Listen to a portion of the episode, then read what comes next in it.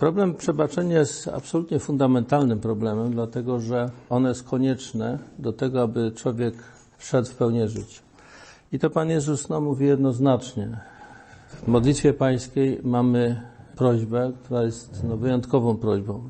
Przebórz nam nasze grzechy, jak my przebaczamy innym.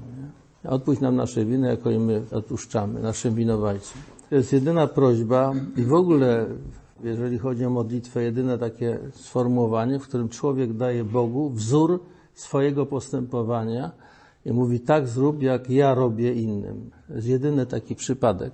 I akurat dokładnie w, w przypadku przebaczenia. Potem zresztą to jest jeszcze na zakończenie, Pan Jezus mówi wyraźnie o tym, że jak wy nie przebaczycie z serca, no to Bóg wam też nie przebaczy. Jeszcze do tego jest taka przypowieść o dwóch dłużnikach, też odpowiedź na pytanie o przebaczenie świętego Piotra. I tam też jest to jednoznacznie powiedziane. Brak przebaczenia powoduje, że jesteśmy wyeliminowani z pełni życia. To jest niesamowicie e, ważny problem. Ale żeby zrozumieć to, dlaczego tak się dzieje i o co chodzi, no trzeba troszeczkę przypomnieć sobie, kim jesteśmy i o co w naszym życiu w ogóle chodzi. W związku z tym ja pierwsze taką refleksję, krótką, przypomnienie swoiste na temat, kim jesteśmy. Takim kluczowym tekstem jest ta formuła soborowa, którą Jan Paweł II bardzo lubiał powtarzać, która mówi, że człowiek będąc na ziemi jedyną istotą, którą Bóg stworzył dla niej samej, nie może zrealizować się w pełni tylko przez szczery, bezinteresowny dar siebie. Jest z jednej strony stworzony dla siebie samego, żeby był sobą, żeby był podmiotem swoich działań, był wolny, a z drugiej strony może się zrealizować tylko jako szczery, bezinteresowny dar z siebie. Wydaje się to takie właśnie sprzeczne ze sobą. Ale tak się wydaje tylko w przedmiotowym myśleniu. Rzeczywiście, jeżeli coś zabieramy, no to tego już nie ma. Coś oddajemy, to tracimy to. Natomiast w relacjach ludzkich akurat dokładnie tak to działa. Jeżeli weźmiemy małżeństwo, to im bardziej mąż kocha żonę, tym bardziej jest jej mężem. A ona im bardziej kocha męża, tym bardziej oddana jest mu, tym bardziej jest żoną. To samo matka, im bardziej oddana jest dziecku, tym bardziej jest matką. Jeżeli ktoś jest dyrektorem, im bardziej angażuje się w to prowadzenie zakładu z jakąś całą, powiedziałbym, zapałem, tym bardziej jest no, dobrym dyrektorem. A ktoś, kto szuka tylko własnej korzyści, no to jest po prostu karykaturą, a nie dyrektorem.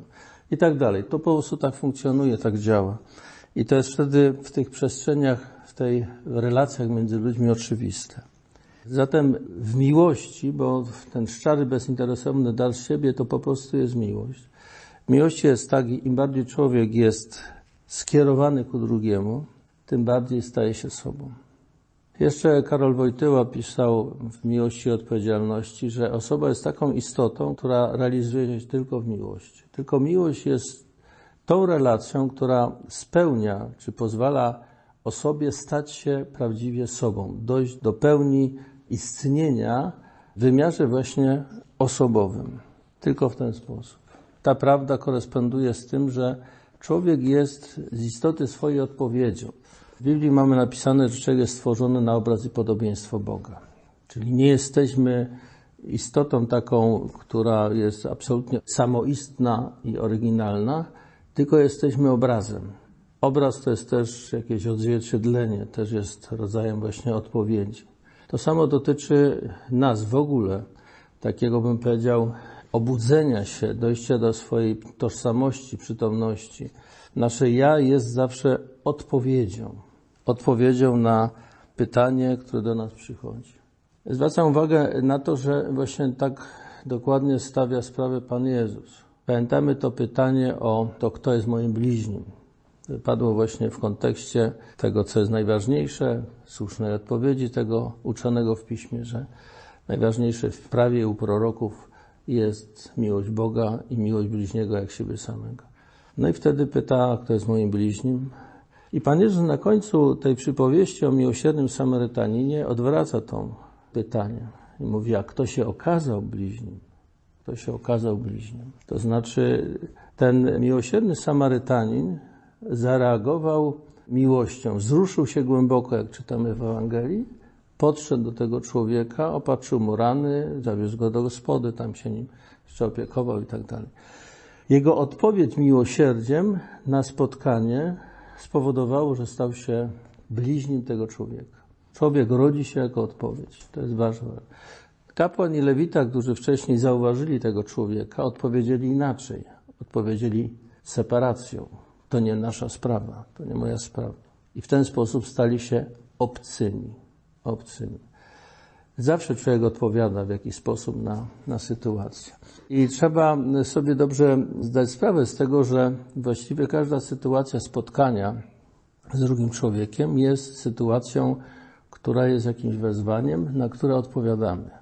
Oczywiście takie spotkanie kogoś na ulicy jest no, takim ulotnym spotkaniem, ono nie ma jakiegoś istotnego znaczenia, ale też można chodzić z miną powiedzmy złości, to emanuje z człowieka, albo można z życzliwością uśmiechnąć się do, do przechodzącego człowieka i zawsze to będzie jakaś, jakaś też pozytywna akurat reakcja budząca sympatię.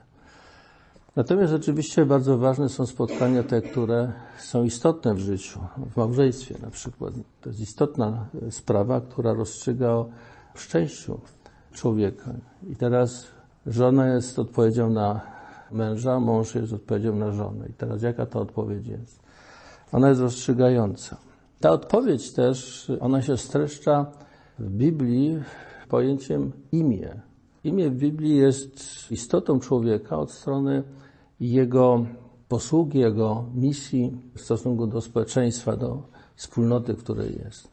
Pan Jezus mówi do Piotra, on się nazywał Szymon, mówi, Ty jesteś Piotr, czyli skała, a na tej skale zbuduję mój kościół.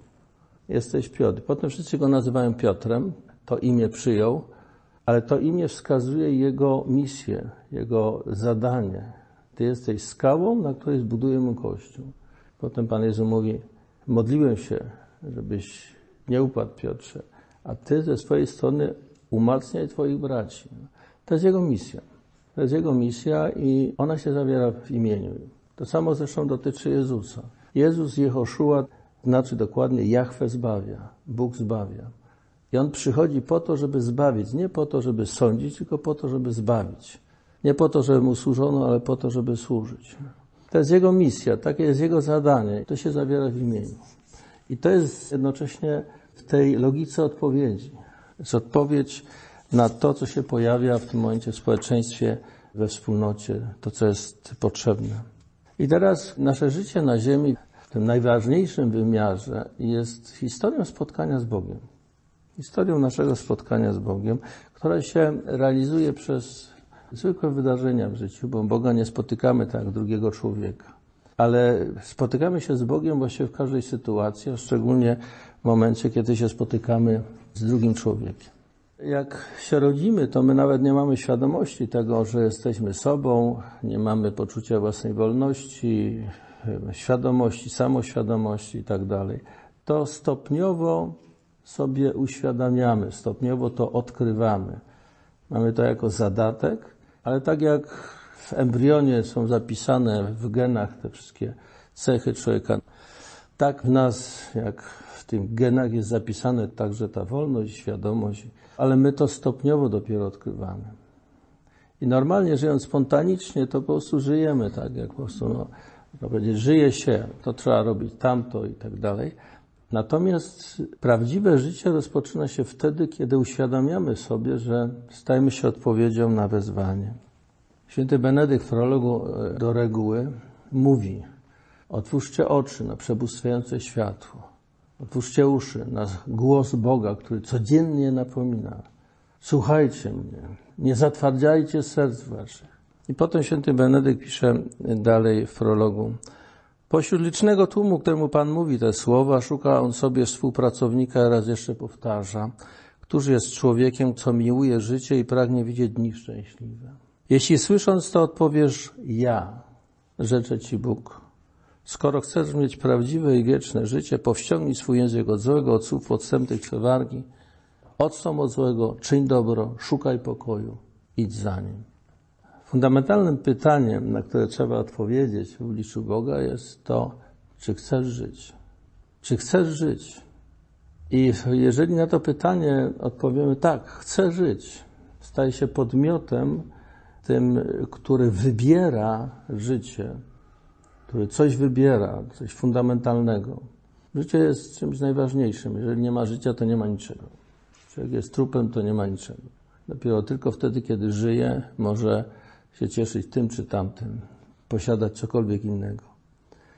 I trzeba na to pozytywnie odpowiedzieć. Tak, ja chcę. I dopiero na podstawie tej odpowiedzi, w której się rodzę jako ja, przytomne, świadome, dopiero nabierają sensu wszystkie wskazania moralne. One dla człowieka, który jest rozmyty w swojej, swojej świadomości, żyje po prostu, to żyje się, to dla niego prawo przykazania są jakimiś narzuconymi regułami, ramami, w których się musi zmieścić. Będzie oczywiście kombinował, żeby jakoś tam było. Jakoś trzeba żyć, się u nas mówi. Jakoś trzeba se radzić. No to sobie człowiek jakoś tam se radzi.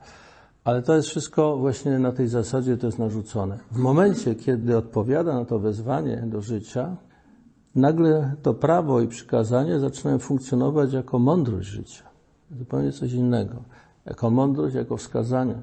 Święty Paweł powie, że prawo jest wychowawcą. To nie jest coś narzuconego. I tak naprawdę każdy człowiek rządzi się jakimś prawem. Tylko często jest to prawo zupełnie nieuświadomione przez niego. I tu w tym momencie ważne jest to, że stajemy się podmiotem, który wybiera, wie dlaczego wybiera i co wybiera. To się zaczyna od tego pytania, czy chcesz żyć. Teraz y, ja, rodząc się jako odpowiedź, rodzi się na tym poziomie głębi, na którym usłyszy to wezwanie. Zawsze rodzimy się jako odpowiedź.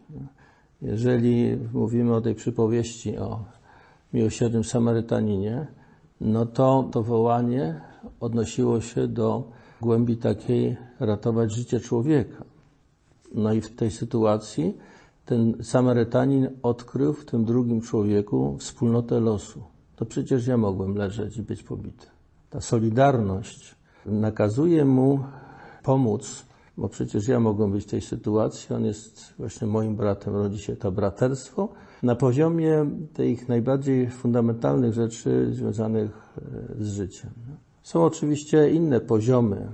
Poziom spotkania się w takiej miłości na całe życie to jest zupełnie inny poziom niż powiedzmy spoznanie się nawet w pracy kolegów, którzy ze sobą współpracują, są z zażyłej więzi, mogą się lubić, mogą chodzić na piwo, na ryby czy jakieś inne rzeczy i fajnie, ale zmieniają pracę, potem się rozstają. Albo tak w szkole, żeśmy się spotkali z kolegami, a dzisiaj się spotykamy raz na, na pięć lat, albo, albo w ogóle i też żyjemy jakoś. Więc to jest zupełnie inny poziom spotkania, inna ta odpowiedź. Ona zależy od głębi.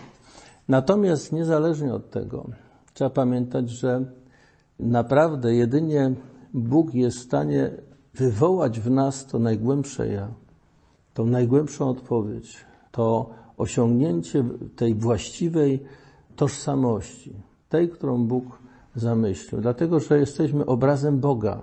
Drugi człowiek nie jest w stanie tego w nas wywołać, tej odpowiedzi. Prawdziwe ja rodzi się jako odpowiedź na Boże wezwanie, właśnie to wezwanie związane z życiem. Natomiast w tym dialogu człowieka z Bogiem, jednocześnie potem dialogu z człowiekiem, pojawia się taka zmaza, którą nazywamy tajemnicą nieprawości w nas, albo grzechem pierworodnym. Jesteśmy jakoś zranieni w naszej otwartości na drugiego człowieka. I to jest y, sytuacja, powiedziałbym, bardzo trudna.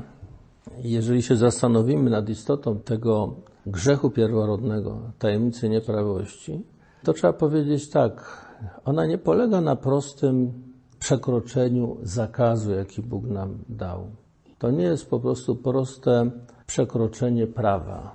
Istota tego grzechu, ona się pojawiła w sytuacji takiego stwierdzenia węża, który rozmawiał z Ewą i mówi, na pewno nie pomrzecie, tylko wie Bóg, że jak spożyjecie owoc tego drzewa, to będziecie tak jak On znali dobro i zło.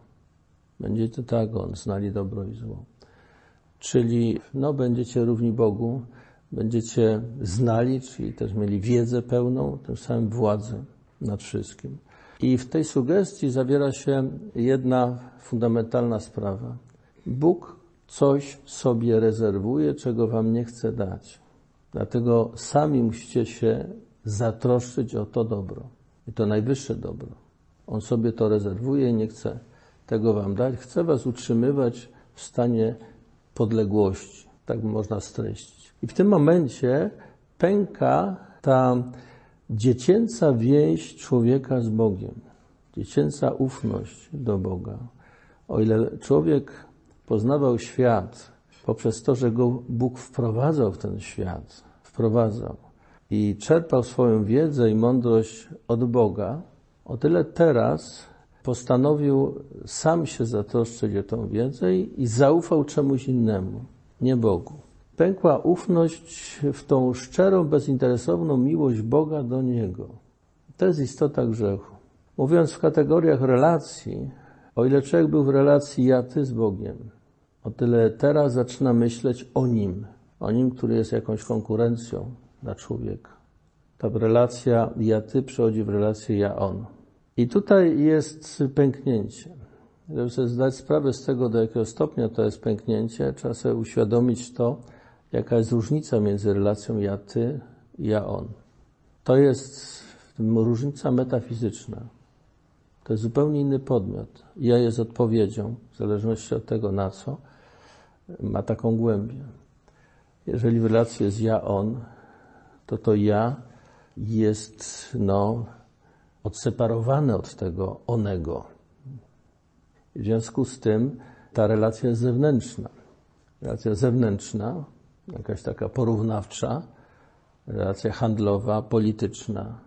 Natomiast w tym spotkaniu ja-ty, tak jak u tego miłosiernego Samarytanina, jest rozpoznanie wspólnoty, więzi, bliskości, coś, co sięga samego serca, to spotkanie w sercu i coś, co daje mi tożsamość przez wspólnotę, więź.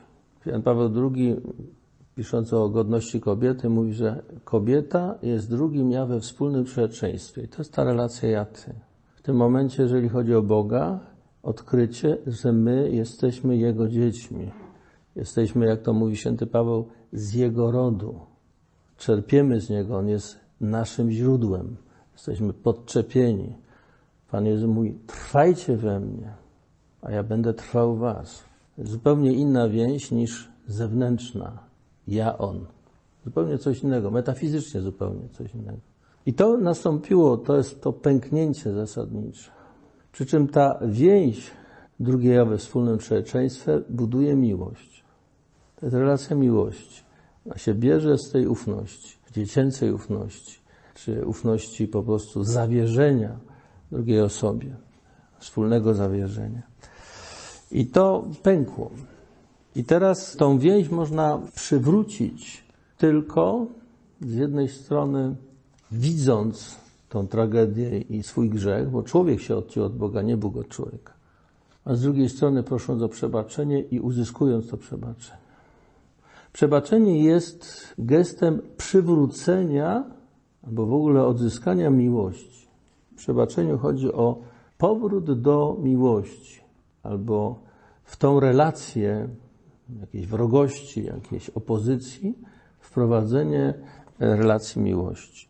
Stąd to przebaczenie jest nam konieczne do tego, abyśmy naprawdę się spotkali z Bogiem i mieli udział w Jego Królestwie. Jest konieczne. Bez tego przebaczenia od Boga nie jesteśmy w stanie osiągnąć pełni życia, a pełnia życia jest właśnie w tym podobieństwie do Boga i w tej więzi z Nim. I potrzebujemy tego. Przy czym każdy z nas jest winny. Nie tylko istnieje w nas ta skłonność do złego, tajemnica nieprawości, ale każdy z nas faktycznie zgrzeszył. Faktycznie jest winny. Stopień tego grzechu, my mamy swoją miarkę, ale u Boga to wygląda zupełnie inaczej. To, co u nas może się wydawać drugorzędne, zupełnie poboczną sprawą, dla Niego może być zupełnie fundamentalną, a to, co dla nas się wydaje wielką wielką sprawą, dla Boga jest mało ważna. No, pamiętać trzeba o tym, że to jest zupełnie inna miara u Boga. Bóg inaczej widzi niż my. I to może być zupełnie inaczej niż nam się wydaje. Jest jednocześnie cała taka, powiedziałbym, fatalność w tym, że my się y, zarażamy z pokolenia na pokolenia tymi grzechami. Grzech się powiela często w rodzinach. To najlepiej widać, jeżeli jest jakaś rodzina, na przykład alkoholików, to ona często potem w następnym pokoleniu owocuje tym samym. O ile dziecko w rodzinie alkoholowej doświadczyło właśnie koszmaru, to taki sam koszmar swoim dzieciom funduje potem. I to tak niestety się dzieje. Chociaż gdzieś tam w dzieciństwie sobie obiecywało, że nigdy i tak dalej swoim dzieciom czegoś takiego nie zrobi, to robi. Taka jest niestety tendencja, skłonność, prawie jak prawo jakieś takie socjologiczne. Oczywiście to nie jest tak, że to na pewno tak będzie, ale ta skłonność i statystyka wskazuje na to, że niestety tak się dzieje bardzo często. I teraz uzdrowienie polega na przywróceniu miłości. Tylko miłość jest w stanie uzdrowić człowieka. Jest taki film Pręgi, polski film, w którym jest właśnie człowiek naznaczony takim piętnem takiego dosyć agresywnego ojca. I ten człowiek jest też potem, chociaż sam nie chciał tego, ale właśnie też taki sam się robi. I to się dopiero zmienia w momencie z jednej strony po śmierci ojca, kiedy on tam znajduje jakieś kasety od ojca, puszcza te kasety i tam jest takie swoiste wyznanie tego ojca, który wyznaje swoją winę. Jemu właściwie wyznaje, przyznaje się do tego i prosi o przebaczenie. A z drugiej strony y, taka autentyczna miłość kobiety. I to powoduje, że u niego się zaczyna przemiana tego człowieka. Wychodzi z tej choroby, z tego powielania jakiegoś, wkodowania jakichś takich zachowań fatalnych w życiu. Droga uzdrowienia prowadzi przez miłość, przywrócenie miłości. I stąd proszę zobaczyć, odmowa przebaczenia, odmowa przebaczenia, czyli odmowa przywrócenia miłości jest grzechem śmiertelnym. Absolutnie śmiertelnym grzechem. Ta przypowieść o dwóch dłużnikach, którą mamy w 18 rozdziale Ewangelii Mateusza, ona jest odpowiedzią na pytanie Piotra. Piotr mówi do Pana Jezusa, Panie, ile razy mam przebaczyć? Czy aż siedem razy? Otóż wtedy ci rabieni żydowscy, tacy miłosierni, jak Gamaliel na przykład, nie? mówili, że to jak ktoś prosi o przebaczenie, to do trzech razy trzeba przebaczyć. Do trzech razy. Piodik Pszelicy to do siedmiu razy. Pan mu odpowiada wtedy, nie mówię ci, że siedem razy, ależ aż siedemdziesiąt siedem.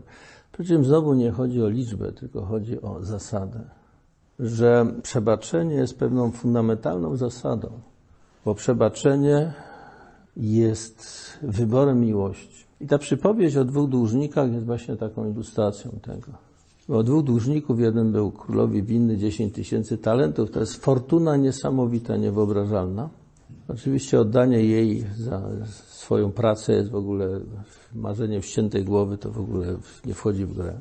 Natomiast ten ma swojego dłużnika, któremu był winny 100 denarów. Z przypowieści o robotnikach winnicy pamiętamy, że gospodarz się umawiał z tymi robotnikami o pracę denara za dniówkę, czyli denar to była dniówka robotnika niewykwalifikowanego, zwykłego gdzieś tam pracującego w ogrodzie. 100 denarów dla biednego człowieka to nie są małe pieniądze, ale nie są to pieniądze niewyobrażalne. No powiedzmy, gdyby to rozłożyć na raty i tak dalej, po dwóch, trzech latach jest w stanie to spłacić. Czyli jest to dług, który może spłacić, realny dług. I teraz on dostał to przebaczenie od tego swojego pana, króla, natomiast nie był w stanie przebaczyć temu swojemu słudze. Czyli to przebaczenie, które otrzymał, przyjął jako coś, co mu się trafiło. Udało mu się, zdobył, załapał się, jest sprawa załatwiona. Jak interes, który załatwił. Świetnie, udało mu się. Ale to zupełnie nie przeniosło się na jego relacje. To znaczy, on nie wybrał tej miłości i tej logiki przebaczenia, tylko cały czas jest takim grającym na, powiedzmy, na rynku handlowym, jakiejś giełdzie, które trafiła mu się okazja nie? i udało mu się. I nie zmienił logiki. I ponieważ nie przebaczył, a nie przebaczając, nie wybrał logiki miłości, to też nieprzebaczenie i niemiłość będzie mu dana.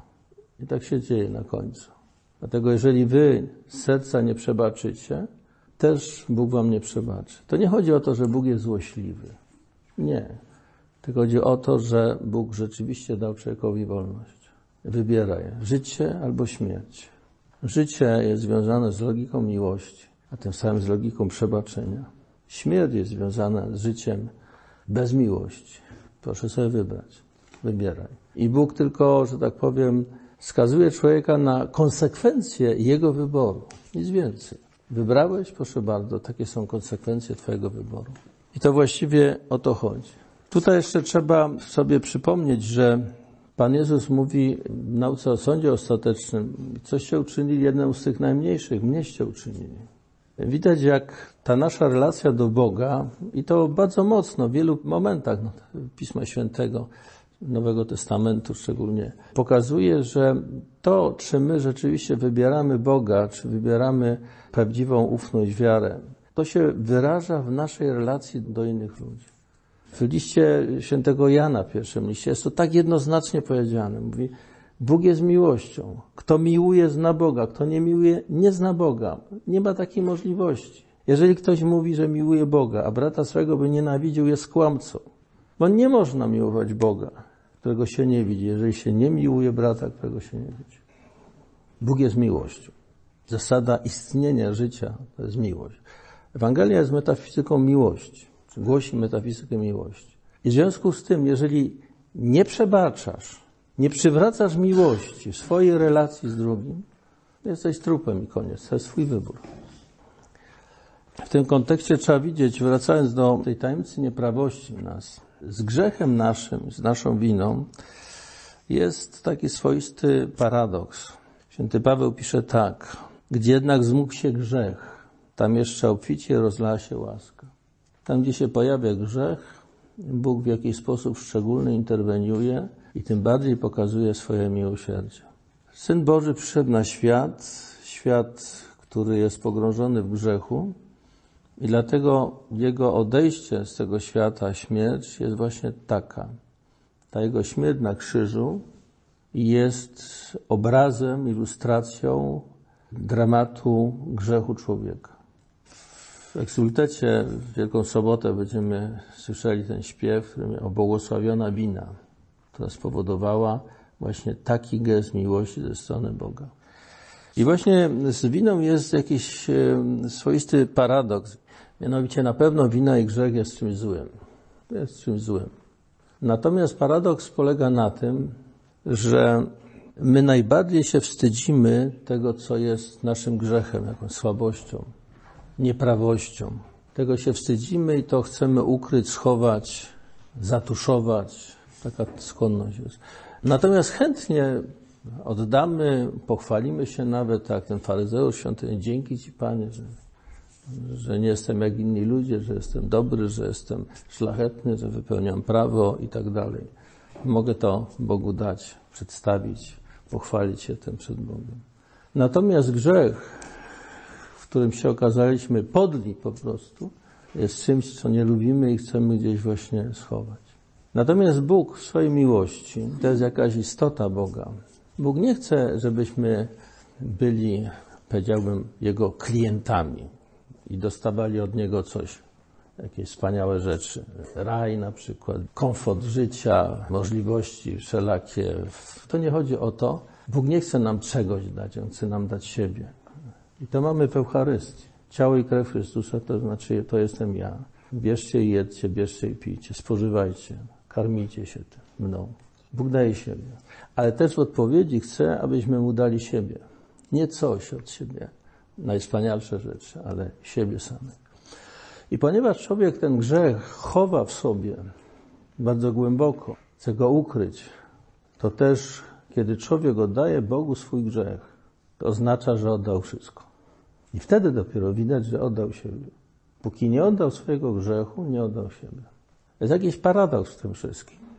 Że jednocześnie ten grzech jest, powiedziałbym, taką swoistą sposobnością, no, można tak powiedzieć, do tego, żeby rzeczywiście w tej miłości być zdeterminowany i siebie oddać Bogu. Oddać siebie. To jest jakiś paradoks w tym wszystkim. Też dlatego uświadomienie sobie tego swojego grzechu jest niezmiernie ważne. Ono jest ważne też z tego powodu, że jeżeli nie pamiętamy o swoim grzechu, to możemy nosić słuszne pretensje do innych. Kiedy sami odkrywamy swój grzech, to musimy się sami uderzyć w piersi i zrozumieć, że jesteśmy takimi samymi dziadami jak ten drugi. Wcale nie jesteśmy lepsi. W związku z tym nieprzebaczenie jest po prostu nieuczciwością. Zwykłą, taką po prostu normalną nieuczciwością. Uświadomienie sobie grzechu powoduje, że człowiek ma w sobie skruchę serca. I w skórze serca nie będzie potępiał innych, nie będzie się nad nich wynosił. I to jest też fundament właściwej relacji człowieka do Boga. Święty Benedykt, kiedy mówi o modlitwie, a mówi bardzo krótki taki rozdział jest o modlitwie. Właściwie są dwa rozdziały, jeden o wprost o modlitwie, drugi o oratorium. Mówi tak.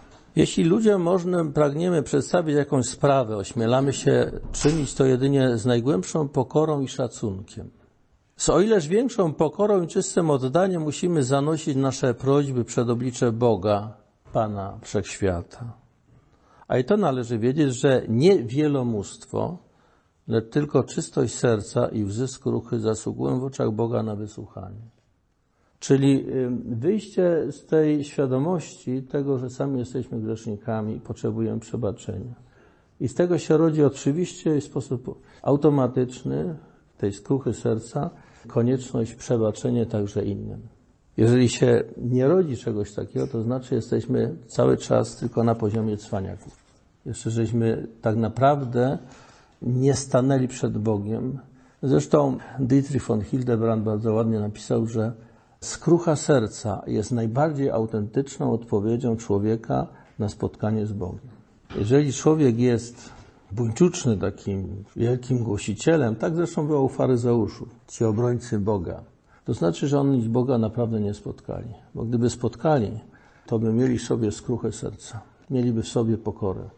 Nie ma innej możliwości. Jeżeli nie czuć tej pokory w człowieku, pokory względem innych, wyrozumiałości, w związku z tym, że oni upadają, są grzesznikami, ale my też jesteśmy grzesznikami, nie ma tej wyrozumiałości, to znaczy, że ten człowiek naprawdę nie spotkał Boga. Bo ta skucha serca jest czymś oczywistym w autentycznym spotkaniu z Bogiem. W każdym razie w życiu chodzi o prawdziwe spotkanie z Bogiem, a ono się w dużym stopniu kształtuje w prawdziwym spotkaniu z drugim człowiekiem. I w życiu chodzi o pełnię życia, a ta pełnia życia polega w istocie na relacji miłości. I dlatego też przebaczenie jest po prostu wyborem miłości. Zresztą bardzo wielkim błędem jest myślenie o, o przebaczeniu w kategoriach sprawiedliwości. Jeżeli myślimy w kategoriach sprawiedliwości, to wtedy oczywiście będziemy mieli bardzo wielkie trudności przebaczyć, bo jak ktoś mógł coś takiego zrobić, jakie to jest niegodziwe i tak dalej. No i wtedy będziemy się trzymać swoich racji. No możemy mieć rację, wiecie, w 100%, nie? tylko że jesteśmy trupami bez miłości. Proszę bardzo, masz rację. Ale co ci ta racja daje? Ta racja ci nie daje życia. Na koniec, bo to chodzi też o ten wymiar praktyczny, w zwykłym życiu. Przede wszystkim, jeżeli chodzi o życie rodzinne i w takich bliskich wspólnotach, jest bardzo ważne, żeby to, co zresztą wynika z, z Pisma Świętego, święty Paweł o tym pisze, trzeba się umieć pojednywać, szczególnie przed nocą. Dlatego też akurat misi to wprowadzili do liturgii Kościoła komplety. To jest taka modlitwa, która się zaczyna rachunkiem sumienia, gestem pojednania, przebaczenia sobie i potem dopiero jest hymn i uwielbienie Boga. Jeżeli to funkcjonuje jako pewna zasada, jako praktyka, której po prostu mamy taką okazję do tego, żeby sobie powiedzieć przepraszam Bogu i Tobie. Nie? Bo są różne takie zgrzyty, takie czasami nie, nieważne jakieś rzeczy, ale, ale zgrzyty. Jeżeli jeden zgrzyt jest, to nie jest problem, ale jeżeli to się powiela przez ileś lat, przez 20 lat, to potem to urasta do wielkiego problemu. A jeżeli to jest, przepraszam, sprzątane systematycznie i systematycznie jest potwierdzana miłość, wbrew tym wszystkim rzeczom, tym różnym takim niesnaskom, no to jest to po prostu konkretna praktyka budowania miłości. Zaczyna się od tego gestu pojednania, przebaczenia. Oczywiście to samo dotyczy sakramentów na mszy świętej. Msza się zaczyna od rachunku sumienia.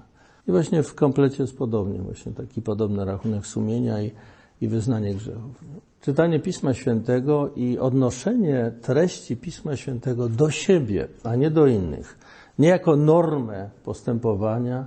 No tutaj tak pisze, a oni to robią inaczej. Nie? Zostawmy tych onych. Chodzi o to, że tu pisze tak i czy ja żyję tym. Zupełnie inne pytanie, inne podejście. I to buduje w nas tą skruchę serca, tą świadomość, że nie jesteśmy wcale naprawdę wzorem życia, postępowania.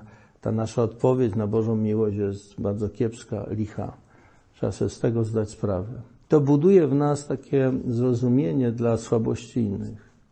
Prawda, stawanie w prawdzie przed Bogiem w sobie jest też budowaniem tej przestrzeni zrozumienia i ewentualnie wybaczenia innym. Trzeba też po prostu przytomnie patrzeć na innych i zobaczyć, co wynika z tym, że się, z tego, że się ludzie jednają, albo z tego, że ludzie sobie nie darują. Proszę zobaczyć. My jesteśmy podobni do nich. I też wystarczy patrzeć na świat jak na rozgrywający się nieustannie dramat. Co z tego wynika? Do czego to prowadzi, a do czego tam to prowadzi? Wynik refleksji jest bardzo prosty. To nie trzeba tutaj żadnej filozofii. Wystarczy patrzeć, mieć oczy otwarte i wiedzieć, że jestem uczestnikiem tego samego dramatu i to ja też jestem aktorem w tym dramacie, który się rozgrywa.